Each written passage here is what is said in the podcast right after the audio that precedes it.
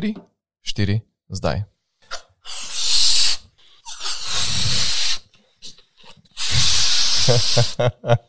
Duša napihuje četrti balon. Če ne bi bilo šaha v moji mladosti, dvomim, da bi dol danes bil takšen, kakršen je. Tisti trenutek, ko začneš na drugi strani nekoga podcenjevati, si v bistvu v zgoljenem položaju ti, ne on. Zaenkrat je Mars one way ticket, ni problem priti gor, ne? največja težava je potem priti nazaj. Zapomnite si to. Največji generator razvoja in najcenejši generator razvoja so tvoji kupci. Vsaka rešitev, ki je dobra za vesolje, je dobra za Zemljo. In misija Mars je približno enaka. Za minimalno težo pripeljati nekaj in poskušati pokriti maksimalno možno površino in jo sposobiti za bivanje. Dobrodošli v Gravitaciji, podkastu, v katerem ideje ne padajo daleč od drevesa. Z vami sta Aleš Ugošek in Miha Goršin, z njima v studiu pa so inovatori, razvojniki in druge ideje polne slovenke in slovenci, ki s svojimi dejanji in razmišljanjem spremenjajo naš in vaš svet. Dobro jutro, dobro dan ali dobro večer in dobrodošli v skupno že 28. epizodi podcasta Gravitacija. Po zadnji epizodi, v kateri smo z Janezom Križanom v živo na odru digitalnega središča Slovenije razpravljali o pametnih mestih in skupnostih, smo tokrat ponovno nazaj v varnem zavetju studia Gravitacije na GZS, v katerem se nam je tokrat pridružil direktor podjetja Duol, Dušan Olaj. Dušan, dobrodošel. Hvala za povabilo. Povej, Dušan, kako si? Prav vsakega gosta to vprašamo, kako si, od ena do pet. In moj odgovor je vedno, da sem zelo zanimiv. Lahko, prosim, malo bolj poglobljeno razložiš, kaj je to, da si zanimivo. Zanimivo je vse, kar je novo. Meni se vedno dogaja in tudi tokrat se mi dogaja. Tako da ostanem pri tem, vsa vrednotenja od ena do pet so vedno vrednotenja. Ne? Težko, težko rečeš, da ti je pet, ki ti je lahko jutri potem, če je od ena do pet, pa ti je jutri šest, kaj boš potem popravljal sebe za nazaj. Ok, ok. Ima smisel, ima smisel, hvala dušen. Z dušanom bomo v tej epizodi začeli na Zemlji in končali na Marsu, vmes pa se bomo pogovarjali o razvoju in inoviranju v njegovem podjetju, predvsem pa se bomo posvetili razvojnemu in inovacijskemu sodelovanju na področju vesoljskih tehnologij in preverili, koliko in kaj še manjka, da bodo duolove napihljive hale ustvarjale bivalno okolje človeka na Marsu. No, pa da še predstavim dušana, potem pa te dušan še povprašava, kakšno stvar. Dušan je direktor leta 1992 ustanovljenega podjetja Duol, ki je danes svetovno uveljavljeno podjetje na področju projektiranja, razvoja, proizvodnje in montaže napihljivih hal. Stalnim vlaganjem v razvoj in sodelovanjem z domačimi in tujimi raziskovalnimi organizacijami sodelujejo v mnogih mednarodnih projektih in inovativnih skupinah. Sicer pa je po izobrazbi dušan naravoslovec, dušan je kemik, če so podatki pravilni. Sam pa pravi, da ga posel dodatno dela vsak dan večjega tehnicista. Je prejemnik nagrade GZS za izjemne gospodarske in podjetniške dosežke za leto 2018 in meni, da bi bilo vsem bolje, če bi se naučili prevzemati odgovornost za svoja dela in svoje dejanja. Njegovi hobiji so šah, tek in triatlon. Šah kot prvo ga bogati z neizčrpnostjo kombinacij in ga uči potrpežljivosti, maraton je njegova radirka za ego, s tekmovanjem Ironman pa si postavlja meje, dokoder zmore dušan tale Ironman mi ni dal miru. Moram te vprašati, kot cilj si nekje navedel, da želiš priti na svetovno prvenstvo Ironman na Havajih. Kako daleč si? Ali boš oktober letos na Havajih? Ne, ne bom oktober letos na Havajih, bom pa letos naredil še dva. Ravno čez en teden sem v Talinu na prvem in potem čez 14 dni v Kopiju na Finskem na drugem. S tem izpolnim pogoje 12 Ironmanov in sem tako imenovani lucky loser. Glede mhm. na to, da nisem ravno športnik vrhunskega formata, da, da bi si vozovnico priboril skozi, skozi tekmo. Kjer so ponavadi nagrajeni prvi in drugi na odru, je potem za laki loserje varianta takšna, če narediš 12 Ironmanov v svojem življenju, kar pomeni toliko in toliko si jim tudi plačal tistih prijavnin, potem te povabijo na svetovno prvenstvo. Tako da računam, če bo vse po sreči letos, potem sem drugo leto na Havajih. In to je, to je moj življenjski cilj. Potem se upokojim tudi v tem delu. Držimo pesti, dušen. Hvala. Povej še nekaj, maratonec si. Koliko je tvoj najhitrejši čas na maratonu in koliko maratonov si pretekel? Moj najhitrejši čas je 3 ure 24 minut, Zavidljivo. z- kar je relativno dober rez- rezultat za rekreativca. Uh, uradnih maratonov v življenju pa sem pretekel preko 100. Jih ne štejem več, jih je več kot 100. Ne. Ker tudi v uh, treningu za Ironman ne, uh, je treba vedeti, da pretečemo, pretečemo doskrat za trening to razdaljo. Ne.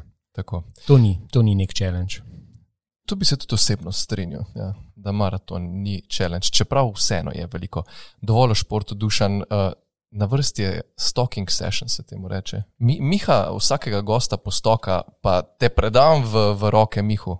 No, ali še že omenil, ne, da si šahist. Zdaj, meni se tukaj pojavil en prizor, mogoče si gledal serijo Netflixovo The Queen's Gambit, a si gledal? No, ti bom razložil. Ona si tam predstavlja uh, in preigrava te poteze, tako da na, na stropu vidi velike 3D figure, ki se premikajo. A imaš tudi ti kakšno tako taktiko, da 3D vizualiziraš te premike, ali so to bolj neke številke, pa imena premikov? Ne, ne, kar se tiče Queen's Gambit, to je Damin Gambit, ga znam, to je, mo, to je ena od mojih umiljenih iger. kar se tiče teorije, ne, šah, šah, jaz sem v bistvu v svojem otroštvu, jaz sem bil v bistvu športnik, judoist. Ampak mi je nesreča prekrižala pot, ta me je prikovala na posteljo, za lep čas, eno leto sem preživel v bolnici in v tistem času sem pač začel igrati šah. In potem je šah postala, glede na to, da sem mogel končati profesionalno kariero v športu, mi je šah postal preokupacija. In sem se zelo ljubil ta šah. Ne. In ta šah še danes, jaz pravim, je, je nek spiritus agens mene, tudi poslane. Če ne bi imel, jaz tako pravim danes, ne, če ne bi bilo šaha v moji mladosti, dvomim, da bi dol danes bil takšen, kakršen je. Že sam si omenil judo, uh, tudi jaz sem treniral judo, po karateju sem hotel provati še nekaj drugega in sem treniral nekaj časa judo. Pa me zanima, če vidiš kakšno povezavo pri samem šahu in judo, kako bereš nasprotnika in njegove poteze.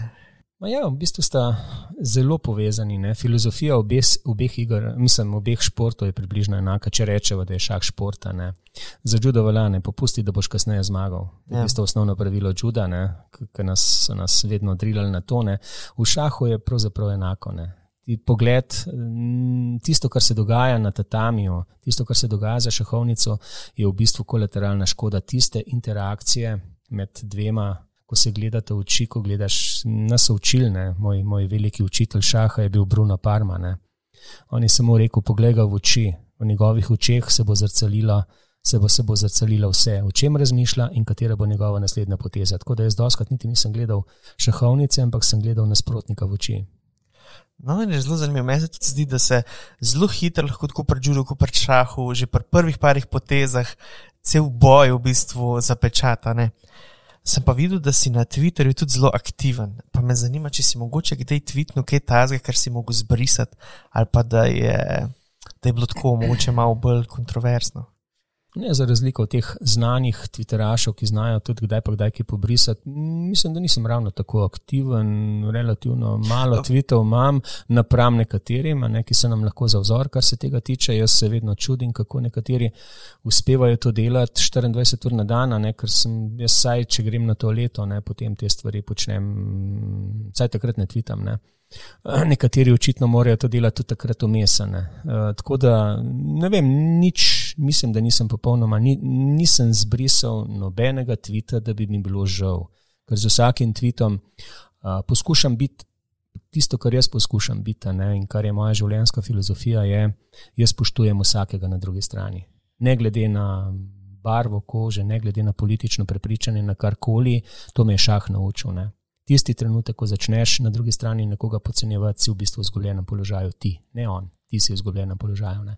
In to je tista osnova. Zato so moji tviti, če so, so, so vedno v tretji osebi, imajo neko ost, imajo neko, neko, neko sporočilno vrednost in to je to. Ne. Ja, nanašal sem se na naše druge goste, ker nekateri sploh nimajo socialnih omrežij ali pa nič ne postajo za to. To je, to je njihov problem.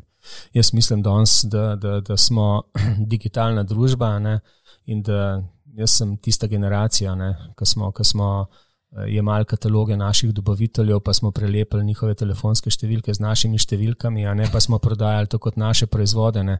Danes si digitali yours, kar pomeni, da tisti, ki, ki hoče tebe kupiti zraven, zraven takoj dobi še tistih deset ostalih ponudnikov, kar pomeni, da nekje moraš biti. Ne. Zdaj na kakšen način si, kako si, to je pa drugo vprašanje. No, prej začnemo čisto s tem. Govorili bomo še o vseh teh bivališčih na Marsu, pa vseh teh zadevah, ampak mene zanima, če boste na vaše produkte, ki bodo dejansko enkrat šli na Mars, dal kakšen, kako bi se temu rekel, uh, Logot, easter egg ali pa nek detajl, emblem, nekaj tasga, da, da se bojo vsi spomnili na Slovenijo ali pa da bojo pol čez tisoč let rekli. Ta, to, to je pa detajl, ki so ga dali gor, da se spomnijo na Slovenijo. Pa še ni problema, če bo Spirit, če bo Spirit podpisal pogodbo z nami, pa so financirali, bomo dali iFil Slovenijo gor. Hvala, Dušan. Torej, bilo zelo iskreno in zelo direktno. Evo, kolegi iz Spirita, slišali ste, Dušan, mi pa se zdaj vrnemo. Začnimo tam, kjer sva midva ostala na lansko letni prireditvi ob izstrelitvi prvih dveh satelitov v vesolje. To je bilo v centru Nordung takrat si bil gost na okrogli mizi in sem te vprašal, kje vidiš dol čez deset let in ti si izstrelil na Marsu. Zdaj pa prosim, povej mi, kaj točno ti v kontekstu dola vidiš čez deset let na Marsu? Opiši, čisto, oriši, čisto, kaj.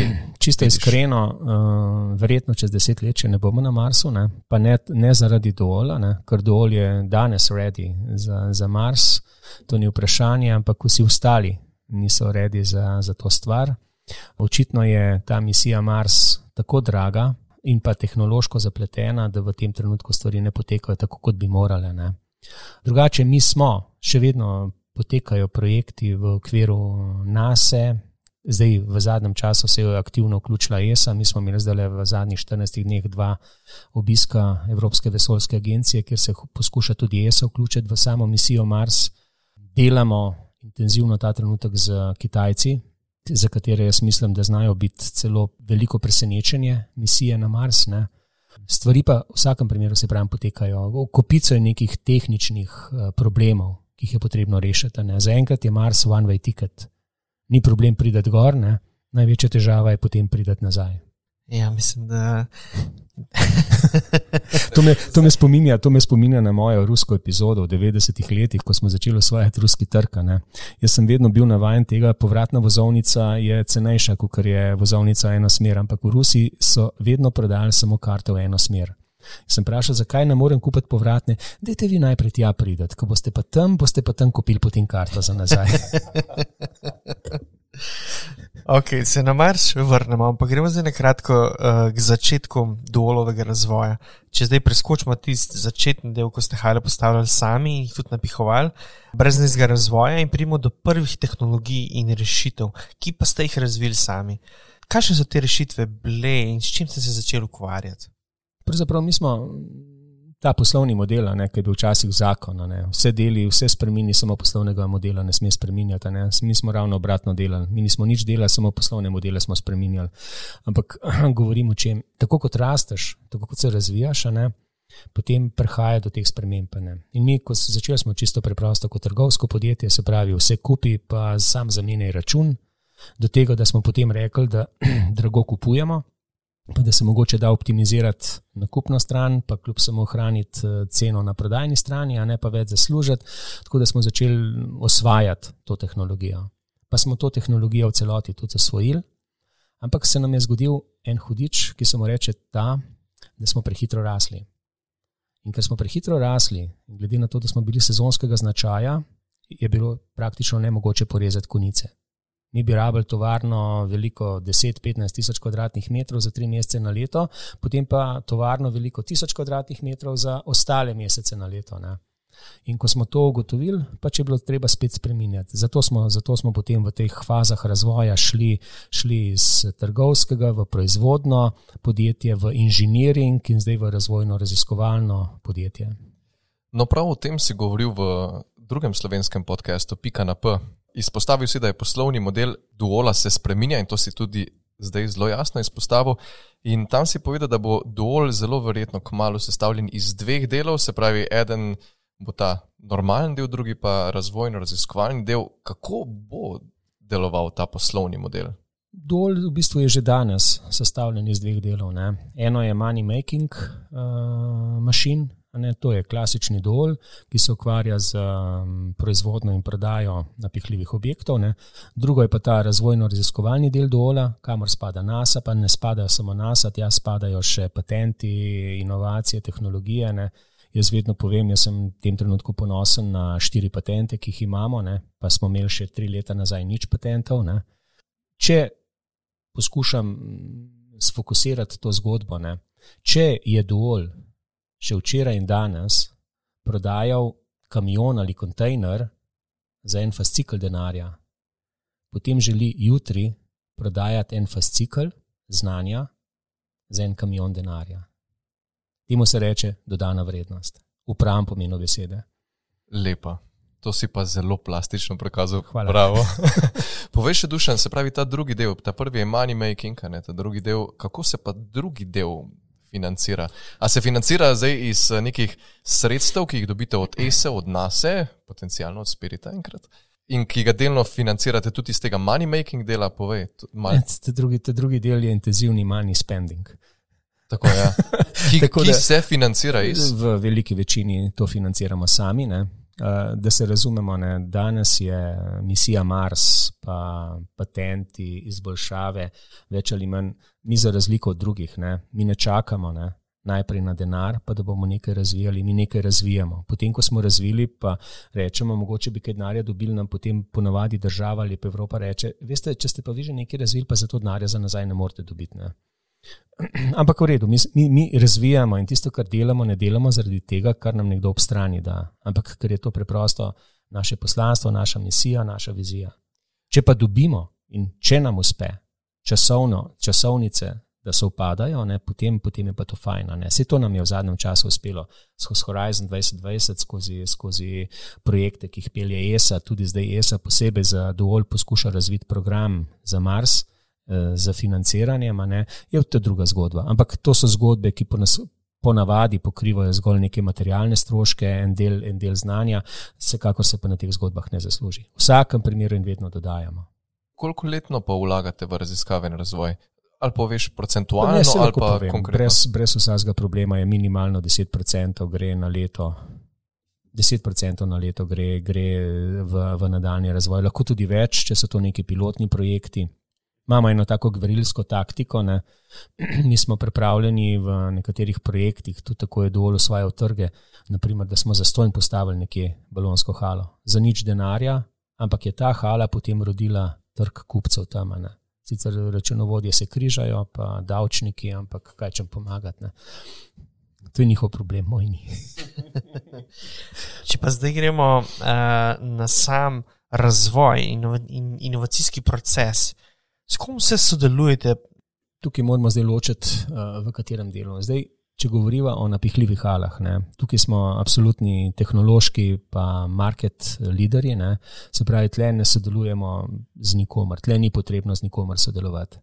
Zaradi tega, ker, ker v bistvu sami ustvarjamo neko bodočnost, ne, uh, te tehnologije in zdaj s kom ob strani sodelujemo. Naši partnerji so Kemijski inštitut, inštitut Jozef Štefan, eh, fakulteta za arhitekturo, ekonomska fakulteta in tako naprej v raznih kaj študijah. Ne. Če greva zdaj inštitut Dekra v Nemčiji, če greva inštitut Holoda v Jakutsko v Rusiji, Roskosmos, se pravi, izmenjava poteka z marsikaterimi partnerji. Ne sodelujemo zdaj tam, kjer je potrebno, v tistih delih, kjer je potrebno.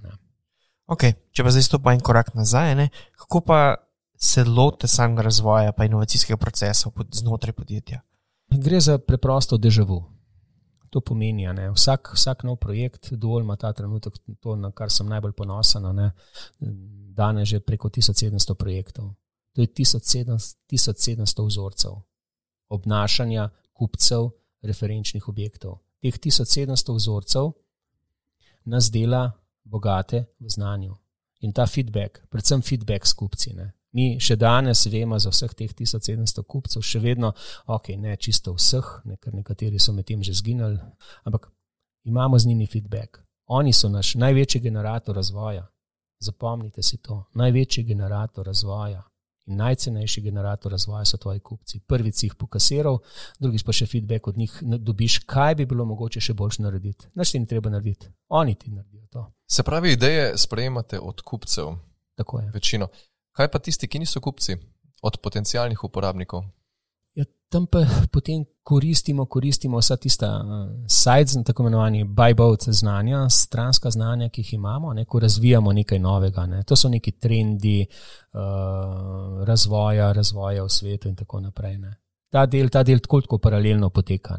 Zdaj, to je ravno tem je šarm tega posla z uh, vesoljem. Ne.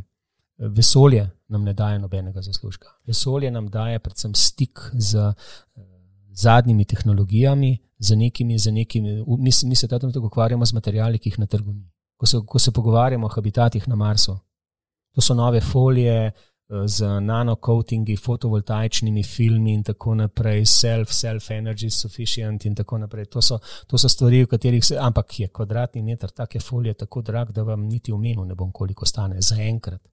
Ko bo to bo mass production, Dušan omeni, koliko to stane. Ne morem. ker, nima, ker nima cene. Ker tudi nam, tudi nam, ko prosimo, da nam, prosim, pošljite nam nekaj par kvadratnih metrov in, in nam oni potem pošljajo par kvadratnih centimetrov tega, ne, pa si lahko predstavljate. Ne. Ok, si predstavljamo. Ker si, si že zašel v vesolje, gremo nazaj v ja. vesolje. Samo obnovim zgodbo, ja. kot sem jo prebral. Se pravi, zgodba z Marsom se je pri vas začela načeloma, pa to sodelovanje z ESO leta 2018 ali prej. Zgodba z, ne z Marsom, z vesoljem. Z vesoljem, če, če tako, tako z vesoljem. Je. Se je v bistvu začela že leta 2015 ali 2016, uh -huh. ko smo podpisali prvo resnejšo pogodbo za Izraelci. Namreč mi smo vse te bele kupole, radarske sisteme, ki jih vidite, ne, Mi smo, mi smo praktično edini dobavitelj v Evropi ali pa na pol sveta, ki, so, ki dobavlja te kupole za radarske sisteme. Zakaj smo edini? Edini smo iz enega preprostega razloga, ker najbolj natančno znamo uh, skrojiti platno preko teh radarskih sistemov, da ne popačimo, ne popačimo sprejemanja signalov na teh postajah. To je bila ena zgodba. In tu so nas v bistvu najdel, NASA nas je prva našla. Mi nismo nikogar iskali, mi niti nismo razmišljali o tem. Dušan, zakaj misliš, da drugi tega ne znajo? Ali A, skrivate to, to, to ta know-how? To mogoče ja, mogoče sem se malček. Drugi, drugi niso pokapirali, v čem je, čem je catch te zgodbe. Ne? Mogoče v tem ne, da ne znajo. Vse na koncu koncev so najbolj enostavne stvari v življenju, so najbolj zakomplicirane. Uh mhm. -huh. Potem na koncu ugotoviš, da to vsakdo zna. Jaz, če, če, če nekoga popeljem proizvodni, ne? po, po naši proizvodni, ne? bo dol padel. Uh -huh. Bo videl, v čem je v sketch. To je to, ne. Ne mo, se, se bom popravil, ne. mogoče drugi tega še ne znajo. Ampak, ko bodo drugi to znali, boste vi že korak naprej. A imam to prav? To je pa tisto. To je pa to. Eno od pravil, ki ga jaz uh, zagovarjam v podjetju, Paretovo načelo 80-20. Za 20% vložka poberemo 80% zaslužka, potem pa ostalim pustimo, da vso energijo vložijo, da poberajo tistih 20%. Lepo, super. Gremo zdaj korak naprej. Se pravi, od sodelovanja z ESO ste prišli do sodelovanja z NASO. Kako se je to začelo? Se pravi, našla vas je NASA prav zaradi vaših rešitev. Okay.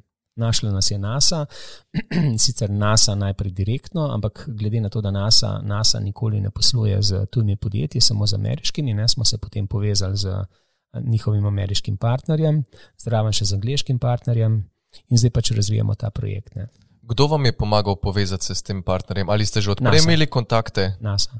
NASA nas je usmerila, NASA nas je povezala, uh, dala je kaj stadi, ki smo ga potem razvijali. In v tem trenutku smo izjemno aktivni, pravzaprav tisto, kar je povezano z Mars habitatom, več ali manj poteka v Evropi, ne? poteka pa med nami in Angležine. Mi smo partnerji, partnerji smo v tem trenutku, vse to ni nobena skrivnost, Hazel, Hazel Architect Studio, pa Cranfield Univerze, ne, kjer, imamo, kjer imamo razvojno ekipo. Imamo, to se moram pohvaliti, ta trenutek smo uredili tudi financiranje, imamo doktorskega doktoranda na Cranfield Univerzi, ki se ukvarja zgolj z duolovim Mars habitatom. Ste pa že predtem sodelovali s Centrom odličnosti vesolje? Tako je. So pomagali pri teh povezavah? Ne, to je bila posledica v bistvu. Uh Mhm. -huh. Center odličnosti, se pravi, skupaj z njimi, mi smo bili nosilni partner evropskega projekta, Evropske vesoljske agencije. To je bil razvoj mobilnih, mobilnih radarskih sistemov za zajem podatkov iz eh, satelitov. Eh, to, kar je za moje pojme še danes ena od uh, fantastičnih stvari. Ne. Bili smo pravzaprav prvi na svetu, ki smo ustvarjali sistem, da namesto da gradiš beton, pa zajemaš podatke, smo mi naredili mobilno kontejnersko postajo, ki jo v 24 urah postaviš kjerkoli jo želiš, na kateri koli točki sveta in zajemaš podatke. Ne. Ker danes, danes to je ena najhitreje rastočih uh, industrij. Ne, to so te sateliti, ki krožijo, in ni problem teh satelitov. Problem je, problem je zajem podatkov teh satelitov. Tukaj si omejen prvič v, v časovnici, drugič pa po količini podatkov. Ne. Dušan, ko že ravno govoriš o satelitih, tole je pa res za intermezzo in samo posredno povezano. Sklepam, da imaš športno uro. Ja, imaš, Garmin. ok. Ja, Garmina. No, zdaj Garmin omogoča tri različne komplete satelitov. Galileo, ki je evropski, pa potem je GLONASS, ki je ruski, pa Baidu, ki je kitajski. Povej, katere, katero GLONASS. verzijo GLONASS. Ja. Zakaj GLONASS? Ne vem. Zato, ker mi jo prva ponudi, verjetno. Ok. Nikoli, nikoli nisem o tem razmišljal. pravzaprav. Okay. To je bil in, intermezzo za športne navdušence, ki uporabljate športne ure. Zdaj pa eno vprašanje pri vesolju. Zakaj ste sploh zagrizli v vesolje? Kaj je bil tisti? Zdaj pa gremo v to zgodbo. Lahko. Najprej je bil to izziv, na drugi strani pa eno čist, čist pragmatično razmišljanje o tem. ne. Prvič, referenca, drugič, eh, spoštovanje, ki ga dobi skozi to, predvsem pa tretja stvar. Ne. Vsaka rešitev, ki je dobra za vesolje, je dobra za Zemljo. In tisto, kar je največja dodana vrednost, jaz pravim danes, ne, mi ne služimo z vesoljem, ampak materijale, ki jih uporabljamo, znanje, ki jih uporabljamo, potem implementiramo v naše rešitve na Zemlji. Na kateri točki pa ste danes? Če ste bili, se pravi, 2015 na točki nič, kje ste danes? Kar se tiče duola, ne, če rečemo, da jutri postavimo na Marsu habitat prvega, ne, ki bo velik 30, 40, 50 kvadratnih metrov, potem smo mi praktično 90% svojega dela naredili. Danes imamo, danes imamo mi materijale, imamo robote, ki so sposobni nadaljavo zmontirati to halo, imamo tehnologijo, s katero mi lahko izoliramo to halo pred kozmičnim sevanjem, jo, jo toplotno izoliramo in to je to, kar je potrebno. Smo v tem trenutku daleč najnižji za kilogrami potrebne robe za tak transport, to, kar je eden od največjih problemov uh, misije na Mars, ne, koliko je cena enega kilograma robe, robe ki, potuje, ki potuje na Mars. Ne. To, je, to, je, to so strahovite zneski. Ne. Te zneski v podanih podatkih, ne, prvič niso, niso, niso vsi preverljivi. Različni viri navajajo uh, različne, ampak med 200 tisoč in dvema milijonoma dolarjev za en kilogram robe, ki gre. Ne. Si, verjetno ste bili soočeni z to uspešno misijo na Marsu, ki je koštala se niti ne vem koliko, 20 plus milijonov dolarjev, zato da so dvignili 1,8 kg težki helikopterček en meter, en meter nad, nad Marsovo površino. Ne. Pa si potem si lahko predstavljate, kaj pomeni postaviti 40 kvadratnih metrov velik dolov balon, pa ga, pa ga v celoti uh, zmontirati. Zdaj pa, če sem lahko mal drzen. Kaj v teh desetih procentih zadnjih eh, bi še mogel dovolj razviti? A mogoče lahko deliš, kaj so še tiste uvire? A gre tukaj za nek uh, sistem sestavljanja ali transport, ali gre. Optimizacija teže, optimizacija uh, postopkov montaže. Bistvu, to, sta dva, to sta dva parametra. Ne? Ampak mi za to potrebujemo, uh, to je treba vedeti. Ne? Mi imamo prototipe na Zemlji, ki jih že montiramo, se pravi, potekajo postopki montaže, demontaže in tako naprej v različnih klimatskih pogojih, ki so. Ne? Uh, se pravi, samo optimizacija, 10% je optimizacija. Koliko pa lahko simulirate na Zemlji pogoje na Marsu? Praktično vse. Če, če, če, če upoštevamo to, da imamo materijale, ki zdržijo klimatske pogoje, ki so na Marsu, se pravi neke temperature minus 130, minus 150 stopinj Celzija, ne, da to ni ovira, potem, potem nič ostalega ni ovira. Kje pa jih simulirate, kje so takšni pogoji? V tem trenutku v Sibiriji, na zemlji Franca Jožefa, na univerzi v Nanjingu, na kitajskem, to so mesta.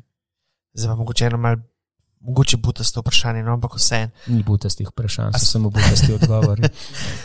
Astronauti tudi vadijo en del svojega treninga pod vodo. Zdaj, a, a mogoče tudi testirate kakšne te vaše produkte pod vodo, kje? Ne, zaenkrat, zaenkrat ne. Mislim, oni pod vodo trenirajo Razumem, ja. breztežnost, pa Ja. ja. obnašanje v teh pogojih, za nas, za nas to ni nobeno merilo. Dušan, zdaj pa tehnično vprašanje. Smo na Marsu z vašimi halami, baloni.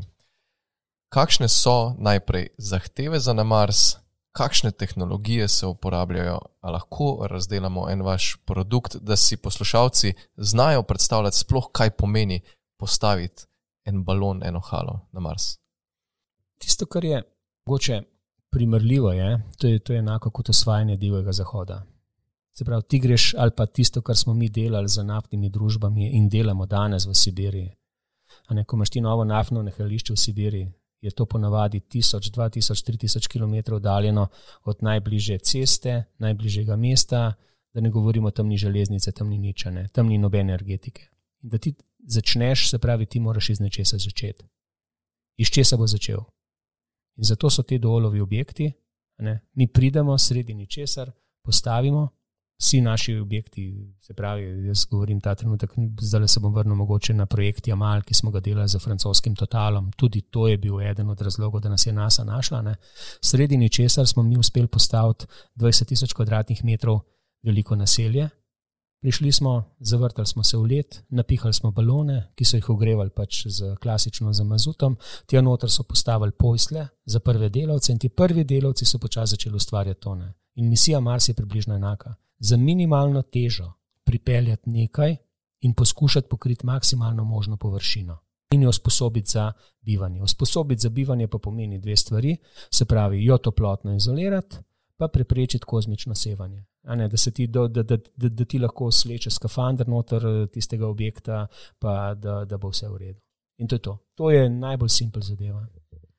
V videoigri Subnautica, pa Subnautica 2, gre za to, da a, prestaneš na enem tujem planetu, recimo, če rečemo, da je Mars, ne, in tam potem ti a, raziskuješ materijale, iščeš materijale in s pomočjo fabrikatorja ustvarjaš iz materijalov, ki so tam, naprej elemente, po načrtih, ki si jih prenesel s sabo, da jih razviješ.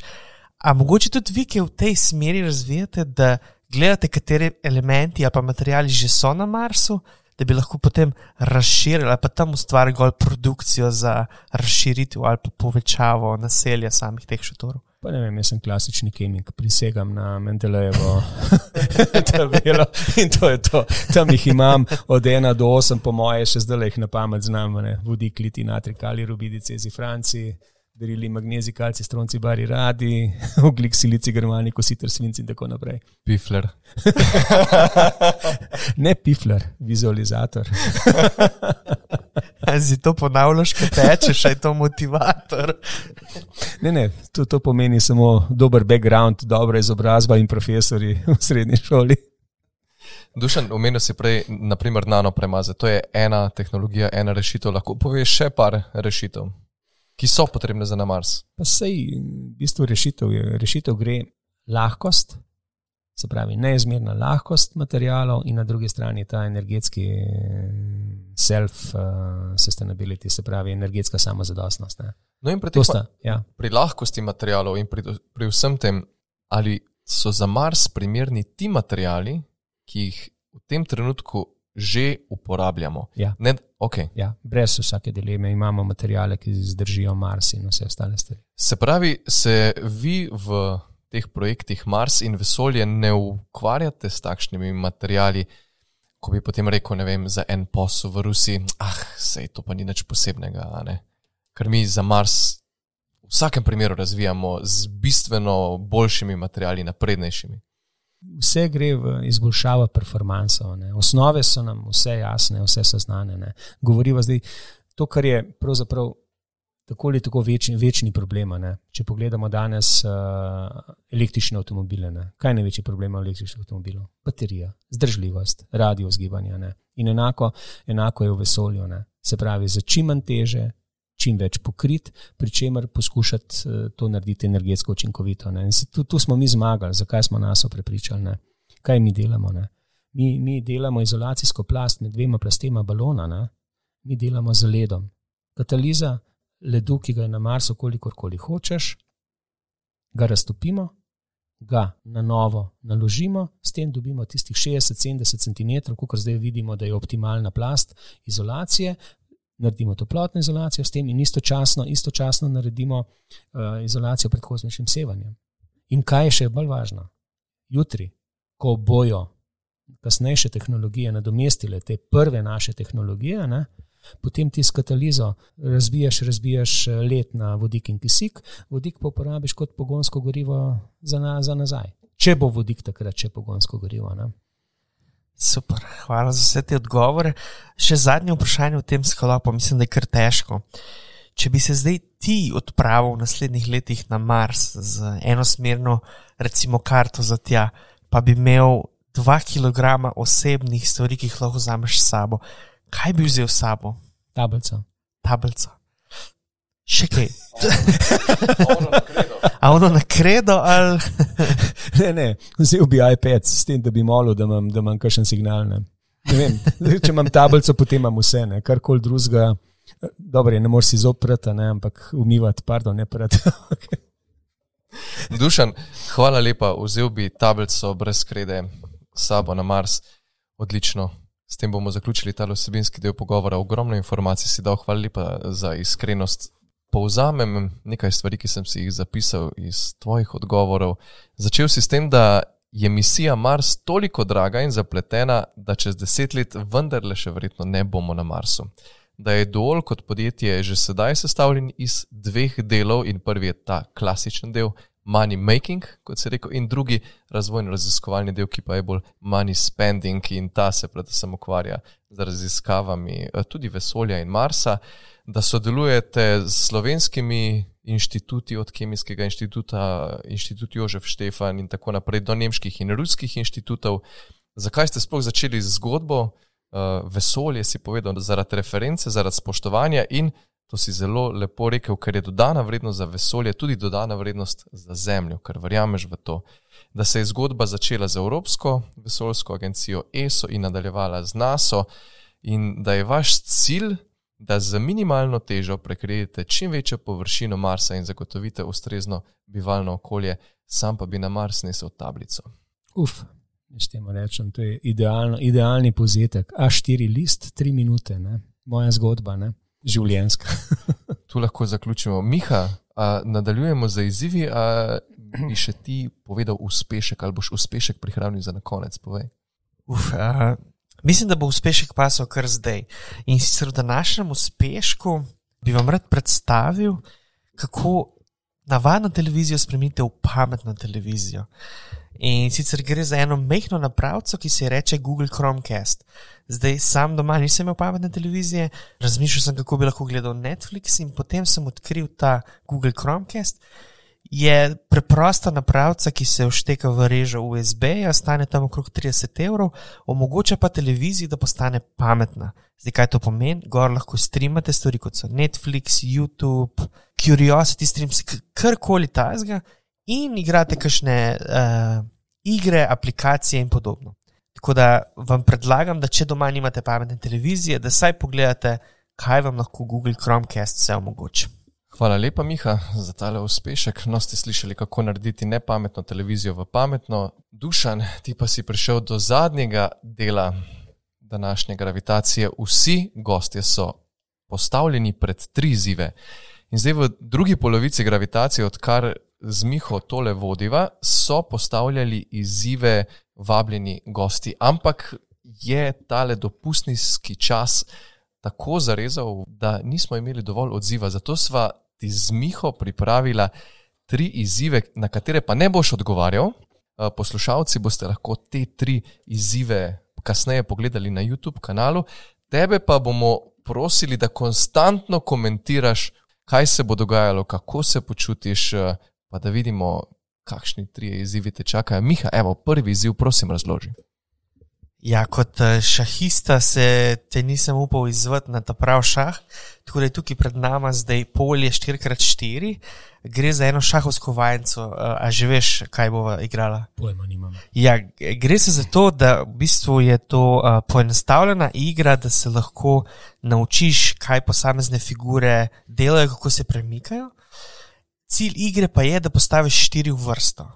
Vedno, ko si na potezi, lahko na polje postaviš eno figuro, ali pa to figuro, če je že na polju, premakneš. Premikajo se tako, kot se te figure premikajo, se pravi, imamo tukaj lovca, kmeta, trdnjava in konja. Okay. Edina zadeva, pri kateri moraš biti pozoren, je pri kmetu, da se ta premika samo naprej in je samo naprej. Tako Ok. okay. klasično kot pri šahu, ampak to je edina zadeva, pri kateri se Je ljudje. naprej, je Mislim, je, je diagonalno, ja, Ok. okay. prosti. Ja. Ampak v smeri naprej sem mislil. Aha. To ljudi najbolj zmede. Ampak to je pa vse od pravil. Poješ mi lahko figure, kot kot hol hočeš, jaz jih dobim nazaj. Cilj igre je samo, da nekdo izmed naju prvi postavi figure štiri v vrsto. Okay. Veš kaj, bom jaz kar prvi postavil štiri vrste. No, ja, ja, ja štiri v vrsto, ampak Dušan razmišlja, mislim, da je v brezizhodnem položaju, ampak Miha ima ogromno izkušenj. ja, ne s samim šahom, ampak s šahom štiri vrste pa definitivno. Fanta razmišljata, da je to hitro potezni. Zelo velik mi ješ figur, pa zelo malih postavlja štiri vrste. Na tej točki se je igra prelomila in ladja se je začela lomiti. Miha, a si še prepričan v svojo zmago?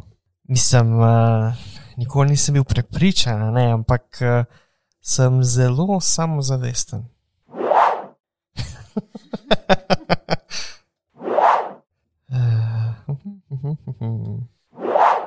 ja, ta igra je zelo, zelo naporna. Ne, mi postaje všeč. Meni je tudi zelo všeč, ampak. Yes. Oj, oj, oj, oj, oj, Dušan je spregledal zelo, zelo očitno potezo. Ja, štiri v vrsto. Štiri v vrsto. Okay, bravo, čestitke. Si začel igrati šaha, ne?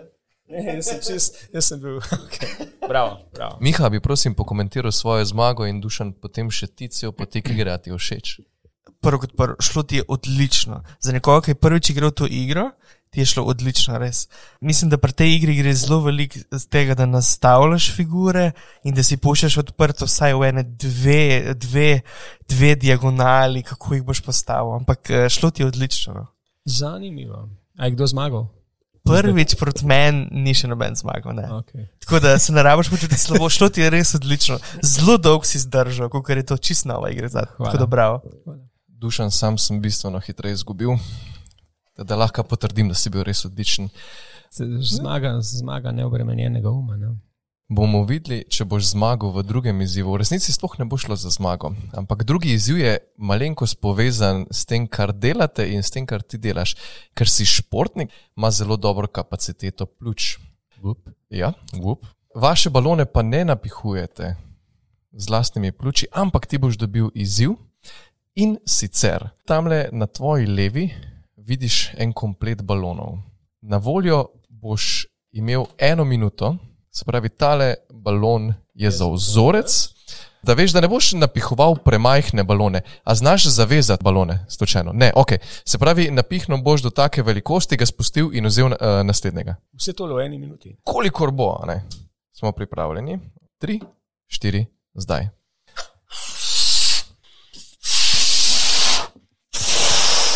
Pazi duša na mikrofon, še večjega, še večjega, to je premajhno, to je premajhno.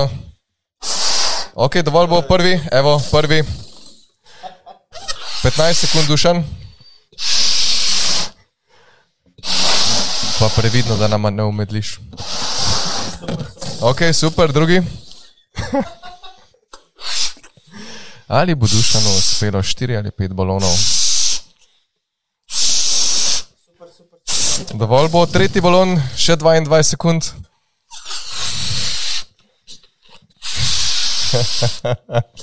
Duša napihuje četrti balon. z ogromno kapaciteto, dovolj je duša, še 10 sekund. 4, 3, 2, 1. Dušan, 4 in pol čestitke. Tle ste me naredili na levi nogi iz enega enostavnega razloga. To pa je? Ko mi prodajemo balone, niti enemu od kupcev ne povemo, ne, da zrak morajo zagotoviti sami. Evo, poslušalke in poslušalci gravitacije, vsi, ki boste kupovali dolove hale, veste, da morate zrak zagotoviti sami. Res iskren dušan, hvala lepa. Evo, pa gremo še na tretji izziv. Kaj je bilo najtežje pri tem napihovanju, da si vsakič teže napihnil ali da je ogromna, ogromen volumen zraka v balonih? Ne, se je verjetno to, da sem vsakič teže napihnil. Ne. Ja. Ja. Hiper, hiperventilacija, vemo, kaj povzroči ne, človeškemu ja. telesu. Ne. Tako da, ja, dobro je, jaz verjetno boste najdel koga. Ne. Vem, če bo jutri v podkastu gost Roglič ali pa kdo drug, ne, jih, bi jih znal še kakšnega več napihati. ne. Sam bom poskusil po koncu oddaje, ampak dober si še vedno sediš, a se ti vrti. Ne. Ne, odlično, super, hvala. Vsaj Hvala ne, Bogu. vsaj ne od tega. Evo, gremo na tretji izziv, evo, Miha, prevzami, da pripravim vse. Zdaj, veliko smo govorili o Marsu, veliko smo govorili o potovanju po vesolju in vsem tem. Tretji izziv je bolj igrive narave. Omenil sem že eno video igrico in tudi zdaj boš dobil eno video igrico za, uh, za igrati in sicer eno klasiko Space Invaders. A si jo mogoče že igral? Pa jaz ne igram igrc. Sem ne igram igrc, absolutno ne, ampak v redu. Gre za eno zelo preprosto igrico. Ti probaš zaščititi svoj planet pred vesoljci. In če bomo mi prišli na Mars, bomo mi za Marsovce vesoljci. Ja. Zdaj me zanima, kako, se, kako se boš ti znašel v tej vlogi. Lahko se pa skriješ pod temi dolovimi baloni. Lahko še enkrat. Zdaj gremo k naslednjemu izzivu. Se premikaš, se umikaš, odlično ti gre za enkrat. Vseeno se mi zdi, da si se bolj znašel, ko sva igrala šah. Dušan, vem, da si skoncentriran, pa vendarle pokomentiraj, kako ti gre. Nikako. Nikako, evo. 275. Evo, 275 točk je dosegel Dušan Olaj v legendarni igri Space Invaders. Kam, Vsi, kam pošljem številko računa? nikamor ne pošlje številko računa, se boste pa vse poslušalke in poslušalci lahko pomirili. Dali bomo link tele igrice v opis podcasta. Lahko boste preizkusili in ugotovili, ali ste v prvem poskusu, v prvem poskusu, opozarjam, boljši od Dušana Olaja. Evo, Dušan, hvala lepa. So bili zanimivi izzivi, ali bi raje odgovarjal na izzive? Mm, ne, ravno ugotavljam, ne, da mi je zanimivo plezati v neznano. Ne. Tale zadnji del je bil zelo zanimiv. Ne. Ti- Moram reči, da sem se počutil, počutil tako, malček na ledu. No. Ja, ja, ja, ja. ja, to je cilj teh izzivov. Sva zelo vesela, da si užival. In hvala lepa, Dušan, da si prišel v gravitacijo. S tem zaključujemo. Hvala vsem, ki ste poslušali tole gravitacijo do konca. Res hvala, Dušan, da si prišel, da si gostoval, da si povedal vse te informacije. Dušana lahko kontaktirate preko elektronske pošte dusan.olajafnadol.eu. Koliko si Dušan odziven? Mm, Ali rea- si realno. netipičen ali tipičen direktor, ki ne odgovarja na maile? Pa ne, mislim, da imam probleme s temi e-maili. Ne. Pomeni, da to, kar je verjetno največkrat problem, vedno odgovarjaš na zadnje, uni, uni, uni prej pa ostajajo. Ne. Tako da mislim, da imam, če nisem na poti, ne, ko, mi, ko, ko imam prirastek takih mailov, nekaj sto, recimo, če sem na avionu, ne, lahko načeloma odgovarjam v dnevu, dveh, treh, lahko tudi malo dlje cajta za manj pomembne stvari, neodvisno koliko časa raba za procesiranje. Ne. Je pa to ena velika težava. Ne? Moji sodelavci se vedno točno vedo, kdaj sem pristal. Uh -huh. Ker takrat, takrat pride, pride računalnik v doseg uh, interneta ne? in takrat gre tistih 50-60 mailov, ki jih ponavadi na avionu napišem, takoj v eter. ne. No, evo, če pa ne boste ulovili Dušana preko maila, pa ga morda lahko kontaktirate preko LinkedIn profila, aktivni na LinkedInu. Če pa želite se povezati z njim, pa napišite, da ste ga poslušali v podkastu Gravitacija, da vas bo sprejel. Naslednja epizoda pa bo druga izvedba Gravitacije live v živo na odru digitalnega središča Slovenije. Vsi ste res lepo povabljeni, da ste fizično prisotni, bomo pa pogovor v živo prenašali preko GZS YouTube kanala, ter epizodo na to seveda tudi objavili na podcast platformah. Ta druga gravitacija live bo v sredo, 18. augusta ob 13. uri, digitalno središče Slovenije najdete v Hali 1 v Ljubljanskem BTC-ju. Vse informacije pa na spletni strani Gravitacije. Na odru bosta takrat z nama direktorja podjetij EFOS in Thermodron Matej Štefančič in Sergej Krajnc, z njima pa bo pogovor tekel o natančnih, naprednih, pametnih in avtomatiziranih rešitvah v kmetijstvu. Se vidimo in slišimo takrat. Lep dan in vse dobro. Je to.